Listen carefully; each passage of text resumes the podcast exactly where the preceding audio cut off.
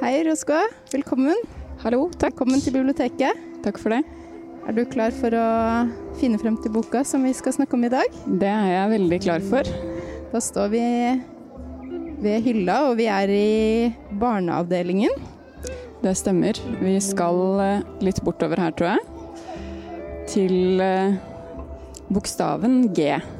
Ja. Da er det bare å lete seg bortover Ja. hylla. Skal vi se. Ser det kjent ut? Her er det noe som ser ganske kjent ut, ja. Maria Gripe, 'Skyggen over steinbenken'. Er det et hjertelig gjensyn? Det er et veldig hjertelig gjensyn. Da kan du bare ta med deg boka, så tenker jeg at vi går opp og setter oss og prater videre. Det høres bra ut. Du hører på Deichman-podkasten Utlånt til, der invitert gjester forteller om en utvalgt bok som har hatt en spesiell betydning i livet. Jeg heter Kaja og jobber med program og formidling på Deichman, og dagens gjest er forfatter Roskva Koritsinski. Hjertelig velkommen til biblioteket, Roskva. Tusen takk. Mens du sitter og blar litt i boka som vi skal snakke om i dag, så tenkte jeg å presentere deg skikkelig. Du er altså forfatter og medredaktør i filmtidsskriftet Montasj. Og du debuterte i 2013 med novellesamlingen Her inne et sted, som ble nominert både til Tarjei Vesaas debutantpris og hedret med Aschehougs debutantpris. Og for bok nummer to, romanen Flammen og mørket, som kom eh, i 2015, så fikk du også strålende anmeldelser. Eh, Og for tredjeboka, novellesamlingen Jeg har ennå ikke sett verden, som kom i 2017, så ble du nominert til Nordisk råds litteraturpris. Og den gang var det som tidenes yngste. Vet ikke om det gjelder fremdeles, men eh, ganske imponerende. Jeg er litt usikker på om det der egentlig stemmer, men det høres veldig fint ut, så la oss gå for det. Ja, enig. Gratulerer litt på etterskudd. Takk. Men i dag så skal vi først og fremst snakke om en annen forfatter og hennes verk, og vi skal til barndommen. Og eh, boka du har valgt deg, den kom i 1982, eh, men du må ha lest den på slutten av 90-tallet, hvis jeg regner riktig. Og hvilken bok er det du har valgt deg? Eh, Jeg har valgt meg 'Skyggen over steinbenken' av Maria Gripe. Og kan ikke du si to ord om Maria Gripe før vi går inn i boka? Jo, eh, veldig kort fortalt så er hun født i Sverige i 1923, døde i 2007. Eh, I utgangspunktet så studerte hun filosofi og religionshistorie før hun ble forfatter. Eh, og hvis internett snakker sant, og det gjør jo ikke internett alltid, så eh, ble de første barnebøkene hennes til uh, som et resultat av at hun fortalte um, godnatthistorier til sin egen datter, og at de to uh, lagde historier sammen som senere utviklet seg til å bli bøker. Så det er veldig kort hennes vei til forfatterskapet. Da. Og hun har utgitt, eller skrev veldig mange bøker for barn og ungdom. Eh, og denne boka som du har valgt deg, inngår i en serie på fire. Ja. mm. Det gjør den. Eh, alle de bøkene kom på 80-tallet, sånn sett ganske sent i forfatterskapet, i og med at hun debuterte allerede på 50-tallet, tror jeg.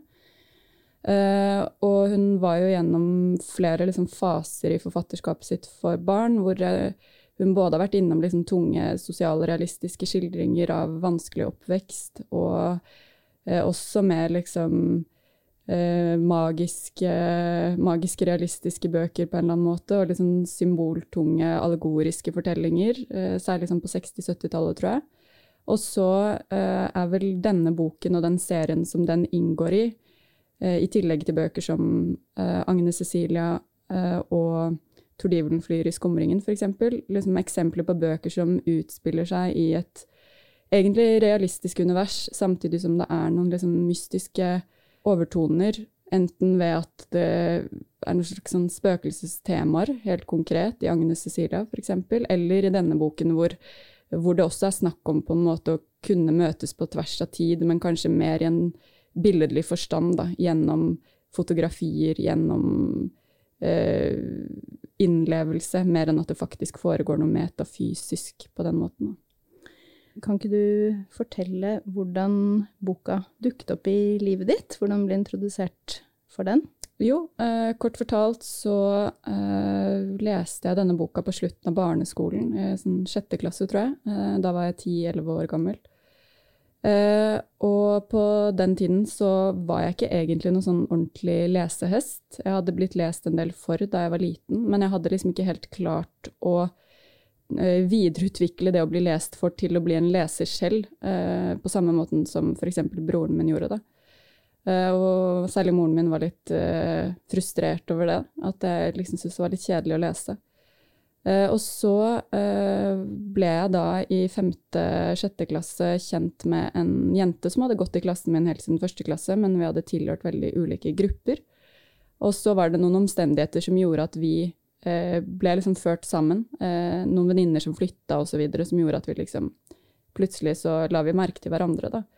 Og hun var eh, av utseende liksom så eldre ut enn meg, og eh, var kanskje på noen måter eh, litt mer ungdom enn det jeg var på det tidspunktet. Eh, og hun leste ufattelig mange bøker og eh, hadde det som en sånn viktig del av sin identitet. Da. Og da vi ble venner, så uh, ga hun meg mange boktips som var veldig gode.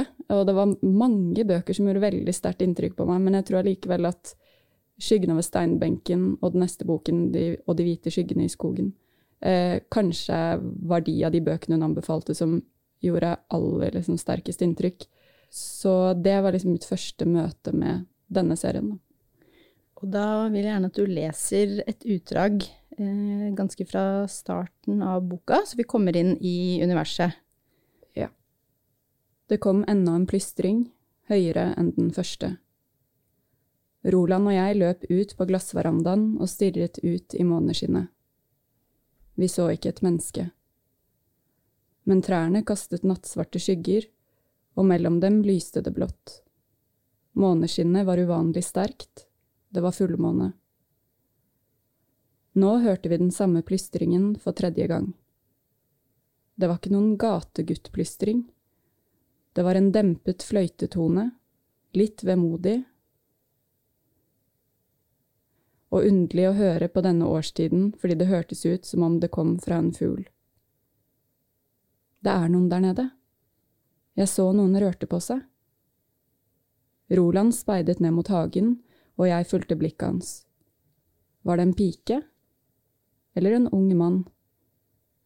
Det var noe så selvsikkert i holdningen at jeg var i tvil. Men det var en pike. På bakken ved siden av henne sto en reiseveske og en sekk.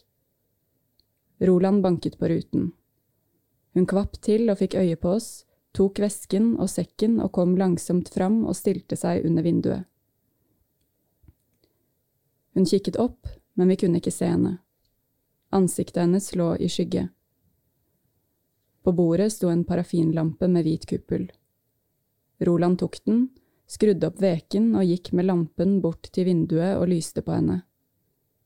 Hun rygget med en gang. Han hevet lampen, og da dukket hun fram fra skyggen. Lyset falt over ansiktet hennes. Vi ble stående og stirre på hverandre, alle tre. For et merkverdig ansikt hun hadde. Om jeg så lever i tusen år, kommer jeg ikke til å glemme dette ansiktet slik jeg nå så det for første gang nede i hagen, før jeg visste noe om henne. Senere skulle det endre seg for meg mange ganger. Det var et så merkelig foranderlig og skiftende ansikt. Tusen takk. Veldig spennende. Ja. Hva skjer her? Hva skjer her? Nei, altså dette utdraget er jo fra ganske tidlig i boka, og øh, denne boka her utspiller seg jo i et sånt ja, øvre middelklassehjem, kan man kanskje si, i Sverige i 1911. Eh, selv om den ble skrevet på 80-tallet, så er da handlingen lagt 70 år tilbake i tid. Og hovedpersonen, Bertha, er 14 år gammel, eh, og familien venter da på den nye tjenestejenta som skal komme og begynne å jobbe for dem. Eh, og vi får vite at de tidligere har en historie med å måtte skifte ut tjenestejenter ganske ofte, og ikke egentlig fordi familien er misfornøyd med jobben de gjør, men kanskje mest fordi eh, Svea, som er den gamle husholdersken i huset, har litt sånn samarbeidsproblemer med de fleste, og er egentlig den som dominerer eh, hus og hjem der, da. Så den scenen som jeg leste fra nå, eh, har de egentlig Der har familien ventet på at den nye hushjelpen Caroline skal dukke opp. Eh, men så kommer hun ikke til avtalt tid, og det blir kveld. Og så plutselig så hører da barna, eh, Roland og Bertha, at noen eh, plystrer ute i hagen. Og så er det da denne Caroline som dukker opp på en veldig ukonvensjonell måte, da, med tanke på at hun også er en jente i 1911, og at hun har dette her liksom androgyne framtoningen og liksom uforutsigbare oppførselen eh, som på en måte blir tydelig allerede her, det setter på en måte stemningen for resten av boka, hvor Caroline kommer inn som en slags sånn representant for noe helt nytt og fremmed, eh, særlig for hovedpersonen, men egentlig for hele familien. Hvor hun både tør eh, å oppføre seg på måter som er ukonvensjonelle, men også er interessert i spørsmål som ikke har blitt diskutert i hjemmet tidligere. Men også bare liksom hele sitt vesen og utseende på en måte litt hører til en annen verden, da. Eh, så hun er på en måte en sånn slags gåte som både romanen og eh, jeg-personen i romanen kretser rundt, da. Og det er jo et ganske klassisk motiv, det med at en fremmed liksom trer inn i fortellingen og setter i gang ting det er en forventning hos leseren da, om at nå kommer det til å eh, skje noe nytt, noe annet. Eh, og det mm, spenningselementet introduseres jo veldig raskt i, fortellingen. Og eh, du må ikke avsløre alt om hva som skjer videre, men eh, kan du si litt mer utfyllende om liksom, handlingen eh, etter hvert? Ja, eh, kort fortalt så Uh, har vel hovedpersonen Bertha helt fra begynnelsen av et litt sånn ambivalent forhold til denne Caroline, hvor hun på den ene siden møter en jente som er to år eldre, og som bare virkelig bryter med alle hennes på en måte, både forventninger, men også erfaringer om hva en jente på hennes egen alder kan være og gjøre. Uh, så hun blir veldig fort liksom, veldig fascinert av henne, samtidig som hun også eh, syns at det er noe kanskje litt kaldt og tilbaketrukket og mystisk på en også litt sånn suspekt måte ved henne. Og det forsterkes jo også ved at hun veldig tidlig begynner å oppdage at Caroline går ut om nettene. Eh, hun holder seg ikke på rommet sitt sånn som tjenestepikene vanligvis gjør, men hun forsvinner ute om natten. Og hver gang hun får spørsmål om sin egen bakgrunn og sin egen familie, så klarer hun på en eller annen måte å svare med en gåte eller Eh, speile spørsmålet tilbake på den som spør. Så romanen på en måte Det skjer ikke så egentlig så veldig mange dramatiske ting. Det er ofte liksom ganske små hendelser, blant annet hvor Caroline og Bertha eh, skal redde en fattig gutt som har en veldig alkoholisert mor og som er sjuk. Eh, hvor vi liksom følger dem på den ferden hvor de på en måte går bak de voksnes rygg for å, eh, for å gjøre det de mener at er rett. Uh, men så er det også hele tiden et sånn underliggende spørsmål bak de andre hendelsene, som er hvem er egentlig denne Caroline? Hvorfor er hun der? Det er også et sånt uh, spørsmål som hovedpersonen stiller seg ganske tidlig, fordi det er farmoren som har eh, tipset dem om Caroline. Men farmoren er også veldig unnvikende når hun får spørsmål om liksom, hvor kommer denne Caroline fra, hva slags familiebakgrunn har hun, hvor hører hun til? Det er akkurat som hun på en måte kommer fra ingen steder. Eh, så det er på en måte det som hele tiden ligger der, til tross for at det på en måte er en handling som løper eh, gjennom boka, så er vel hovedhandlingen egentlig dreier seg om at hovedpersonen vil finne ut av hvem Caroline er, både helt konkret eh, i verden, liksom, hvor hører hun til, men også på et annet plan, hvilket av de på en måte tusen ansiktene hun viser fram, er det egentlig ansiktet, og har hun noe egentlig ansikt, og er det mulig å egentlig bli kjent med henne, da?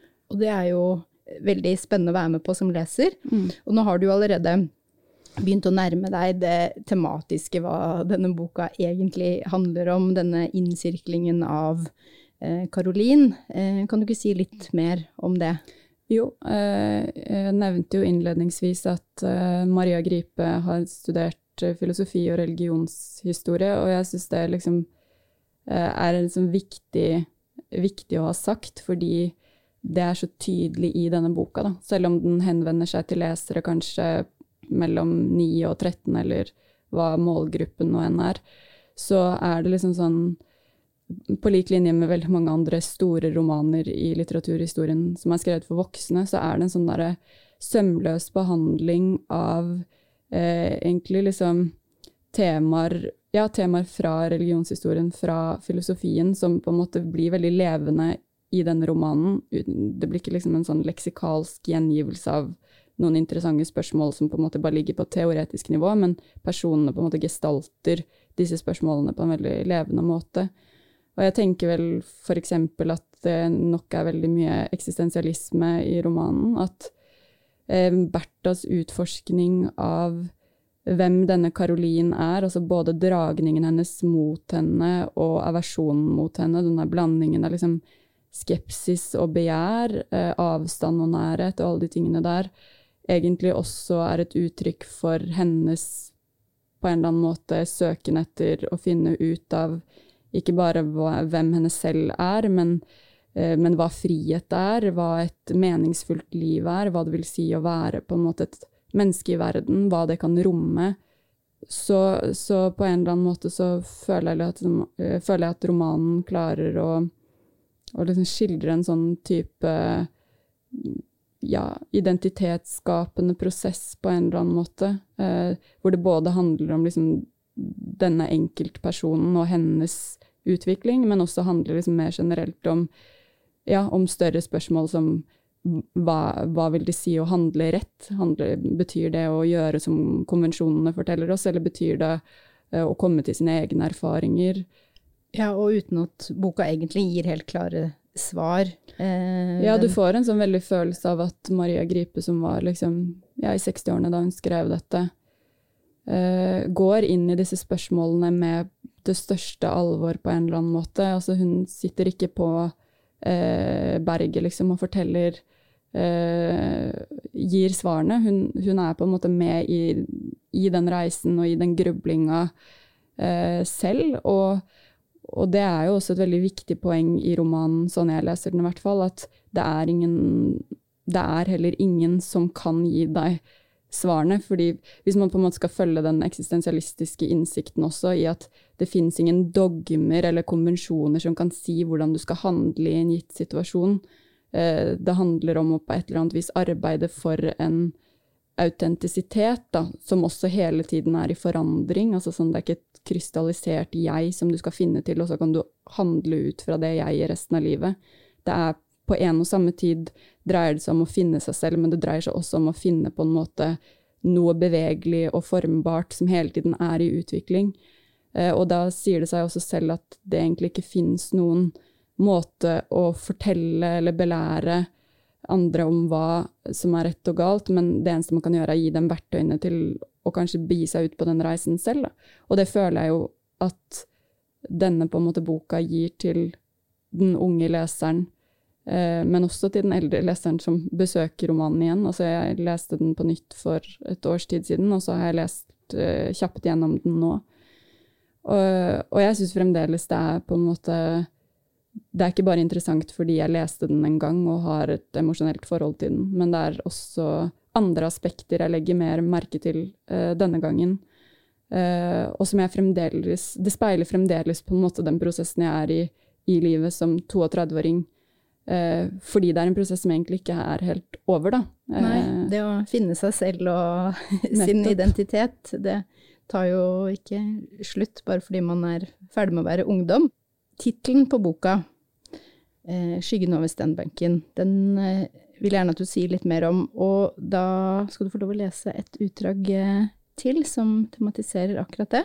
Ja, Skal jeg lese utdraget først? Ja, gjerne det. Da vi ble alene, forklarte hun meg hvorfor hun var så interessert i gamle fotografier. Hun skjønte at jeg lurte på det, sa hun, og det var selvsagt ikke familiebildene våre hun i og for seg var opptatt av. Det var andre ting som interesserte henne. Slik det ikke alle tenker på, kanskje, sa hun tankefullt. Hun var mer opptatt av hvem som hadde tatt bildene, enn de som var med på dem. Av den usynlige fotografen, altså, han som i aller høyeste grad var med på bildet, og dermed ikke kunne unngå å påvirke dem han fotograferte. På den måten kan du nesten si at han blir hovedpersonen, sa hun og slo opp på en side i albumet som hun hadde i fanget. Se her, for eksempel. På dette bildet ser du tydelig at kvinnen, hvem det nå er, det er jo mamma, ser du ikke det? At moren din altså later som hun ikke merker at hun blir fotografert. Hun later som hun leker med babyen, men tenker hele tiden på den som tar bildet. Hun er faktisk unaturlig. Kan du se det? Jo, kanskje. Men ble ikke de fleste mennesker litt anspente når de ble fotografert? Nei. Caroline ristet på hodet. Ikke alle. Hun bøyde seg over bildet. Hvem er babyen, forresten? Er det deg eller Roland? Men det var ingen av oss. Det var Hjalmar, lillebroren vår, som døde. Og hvem har tatt bildet? Pappa, tror jeg. Pussig da at moren din er så usikker at hun blir unaturlig, sa Caroline og bladde forbi bildet. Hun hadde slått opp på et annet nå og studerte det. Hun satt helt stille. Så kikket hun opp på meg, og hun hadde plutselig fått et barnslig spørrende uttrykk i fjeset. Dette fotografiet. Ja, jeg lurer på det. Jeg lente meg forover for å se bedre. Det var nokså mørkt i rommet. Det eneste lyset kom fra den vesle messingstaken på kommoden, og det holdt på å brenne ned. Det eneste som var igjen, var et urolig flakkende lys, men det virket som om Caroline likevel kunne se. Kvinnen på dette bildet er ikke så redd i det hele tatt, sa hun. Kan du se det? Men jeg så bare en mengde trestammer og en benk. Ser du ikke? Hun pekte. Jeg prøver. Caroline strøk sakte over bildet med fingeren. Kan du se den skyggen her som det må være han som har tatt… Akkurat da flammet lyset opp for siste gang, og i et glimt oppfattet jeg et tre med en benk foran, et lite barn i hvitt, og lenger borte mellom trestammene en hvitkledd kvinne. Og så fingeren til Caroline, som pekte på en skygge som falt tvers over benken i forgrunnen. Så sluknet lyset, og det ble belgmørkt i rommet. Vi for opp og lette etter fyrstikkene. Caroline fant dem og tente parafinlampen. Hun skrudde den så høyt opp som mulig, og vi myste fortumlet mot hverandre. Jeg hadde tenkt å sette meg igjen, men Caroline ble stående ved lampen på bordet. Jeg la merke til at hun virket forandret. Albumet lå lukket på sengen, og jeg gjorde en bevegelse for å ta det, men hun stanset meg. La det ligge. Men nå, da vi kunne se skikkelig, vil jeg gjerne se litt nærmere på det fotografiet. Det vil ikke jeg. Skarpheten i stemmen hennes fikk meg til å rykke til. Det var et annet menneske som sto der. Tusen takk. Det er veldig spennende, da. Ja. Får jo bare lyst til å høre mer og mer. og hva skjer i denne sekvensen som du leste? Nei, det skjer jo mange ting, tenker jeg. Eh, det er jo en veldig viktig sekvens for handlingen i romanen, eh, fordi Jeg vet ikke hvor mye jeg skal avsløre her, kanskje ikke alt, eh, men La det være igjen litt. Ja, jeg lar det være igjen litt. Men kort fortalt så er jo også denne romanen helt sånn konkret en slags detektivfortelling, hvor Bertha mm, skal finne ut av Karolins bakgrunn, og dette bildet spiller en veldig viktig rolle i den opprullingen, da.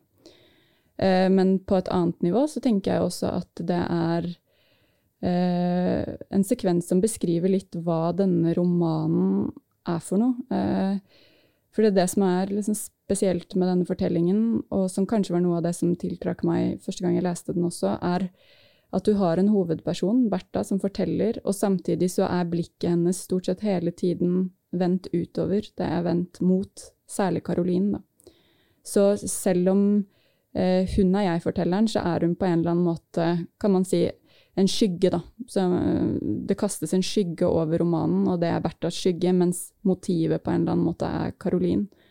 Uh, og jeg tenker jo på denne sekvensen som en slags også kommentar uh, om akkurat det. At uh, selv om det ikke selvfølgelig er noe som en leser på tolv år kanskje vil oppfatte intellektuelt, så tror jeg kanskje at man kan oppfatte det på et eller annet annet følelsesmessig plan.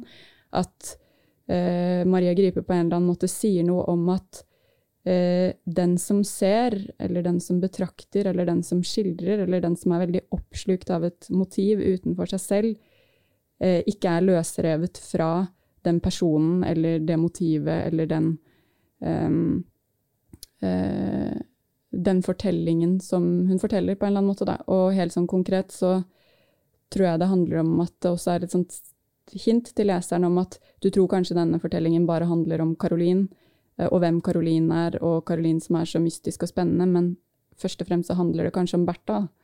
Uh, og om Berthas reise for å på en eller annen måte eh, ja, bli et autentisk jeg, eller finne ut av hva, eh, hva livet er for henne, hvordan hun vil leve, hva, eh, hva som kjennes på en måte sant og riktig eh, og fritt for henne selv, da, til tross for at Caroline hele tiden er den som er eh, i fokus.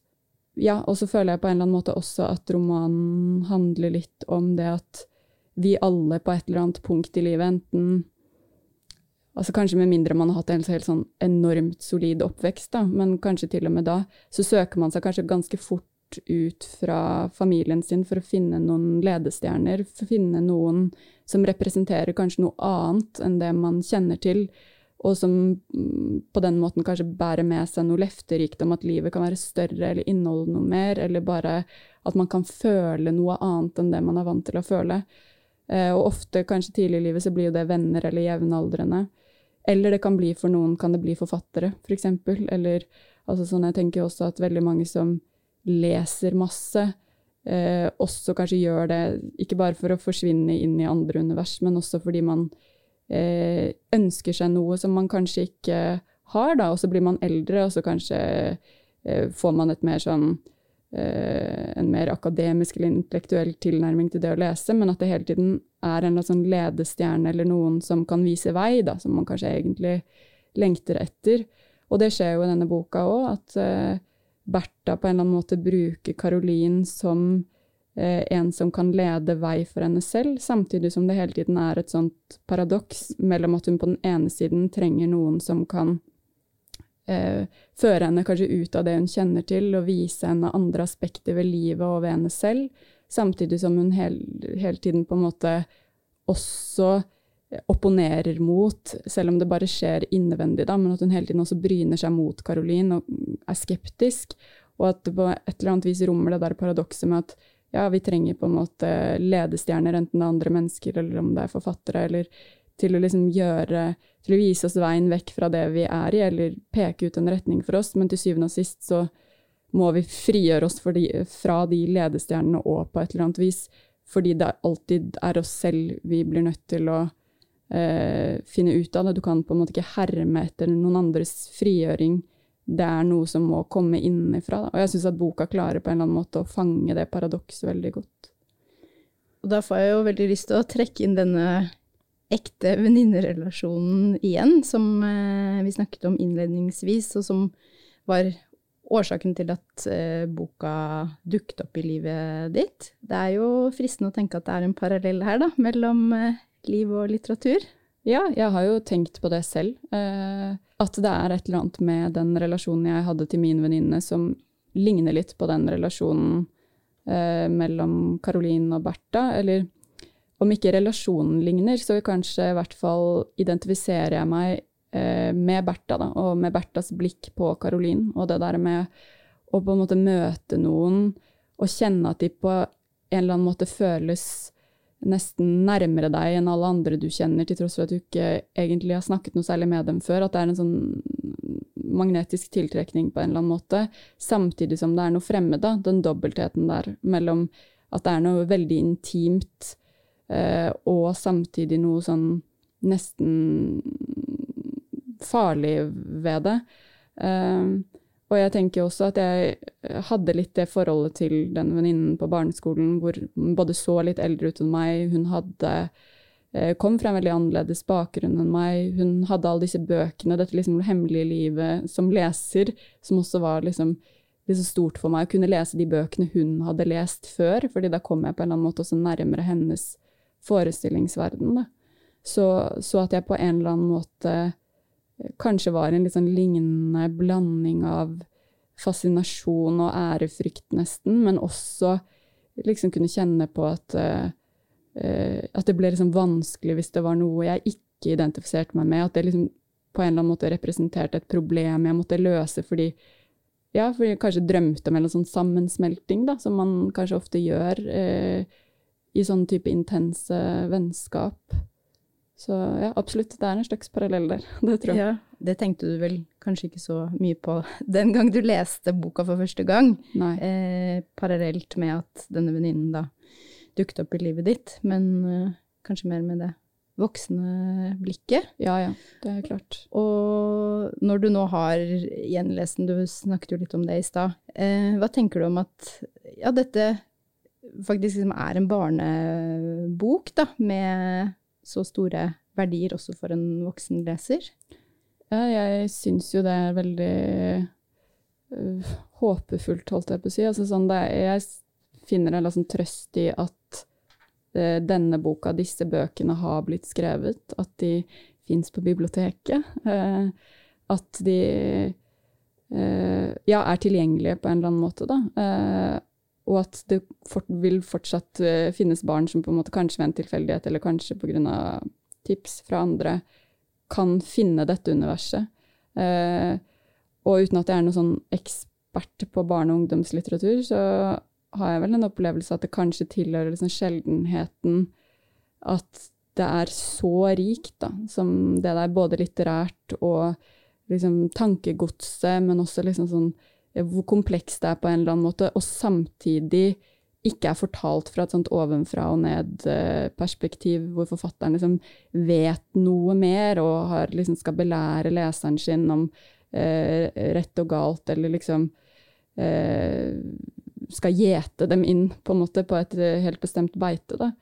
Så eh, jeg syns jo det er eh, Jeg kan kjenne meg nesten litt sånn rørt over at uh, de bøkene har blitt skrevet, og at jeg liksom ser for meg Maria Gripe sitte og skrive dem, og det alvoret på en måte hun går inn i dette med, som jeg tenker at er det samme alvoret som eh, en hvilken som helst sånn stor romanforfatter eh, skriver med. Da, at det er noe som står på spill for henne.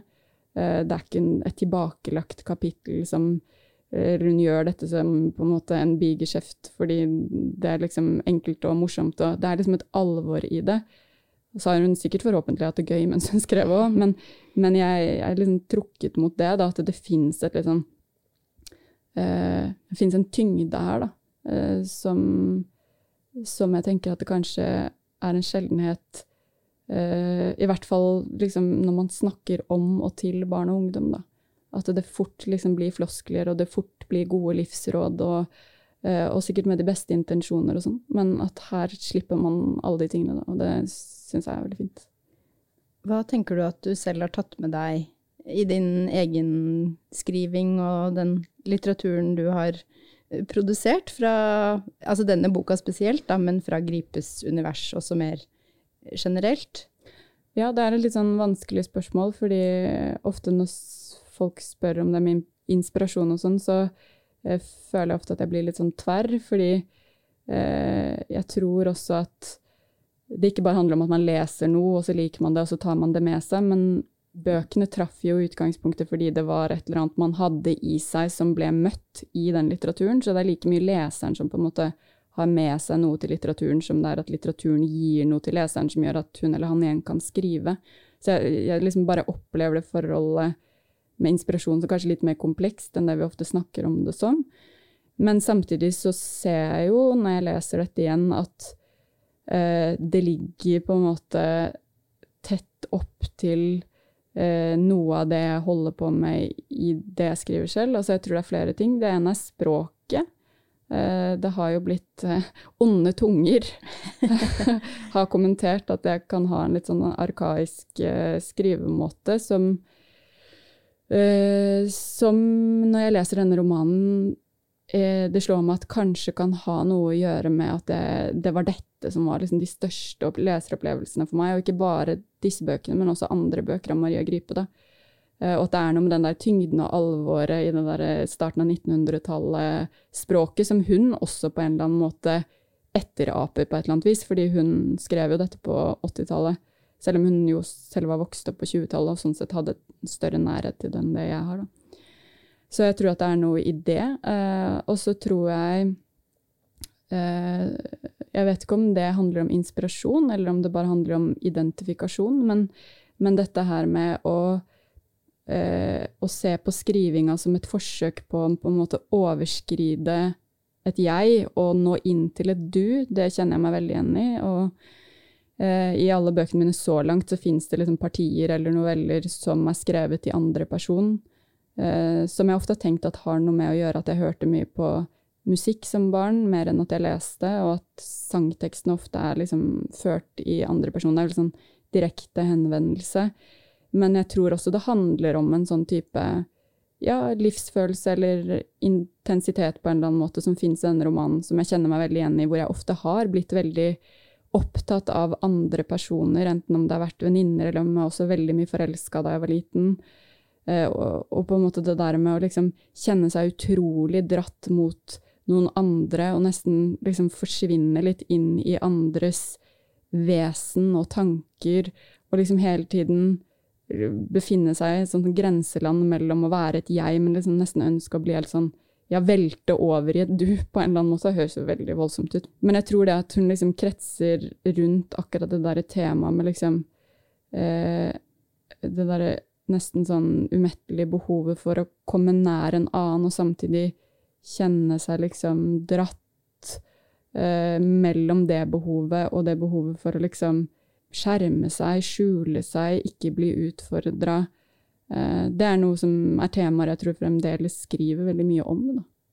De bøkene du har skrevet hittil, har jo rettet seg mot voksne. Nå har vi snakket om en eh, barnebok i dag.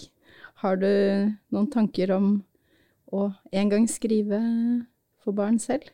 Ja, jeg har hatt tanker om det. Ehm, det var vel faktisk derfor jeg begynte å lese denne på nytt, var fordi jeg hadde en sånn tanke for en stund siden om at jeg hadde lyst til å skrive en barnebok, eller jeg var nysgjerrig på hva som kom til å skje hvis jeg beveget meg inn i det landskapet. Også fordi ofte når jeg skriver essays, f.eks., så er det ofte barndom da, som jeg vender tilbake til som et tema. Tenkte sånn, ok, men Hva skjer hvis jeg faktisk skriver en tekst som ikke er til voksne om barndom, men som er til barn? jeg, jeg, prøvde meg fram, jeg syns ikke det funka, funka, så bra. Men det gjorde i hvert fall at jeg eh, leste Maria Gripe på nytt. Da. Og selv om det ikke resulterte i en barnebok, så ga det meg på en måte en sånn sterk leseropplevelse enda en gang. Da. For det var så mange år siden sist. Så det kom liksom noe godt ut av det uansett. Vi er uh, uansett mange som gleder oss til å se hva som kommer fra din hånd, om det blir for voksne eller barn, i tiden som kommer. Og det blir spennende å se om det også er inspirert direkte eller indirekte av eh, Maria Gripe. Tusen takk for eh, samtalen, Roskva. Selv takk. Veldig fint. Og tusen takk til deg som har lyttet til eh, Deichman-podkasten Utlånt til. Boka vi har snakket om, er 'Skyggen over steinbenken' av Maria Gripe, som naturligvis kan både lånes og leses på biblioteket.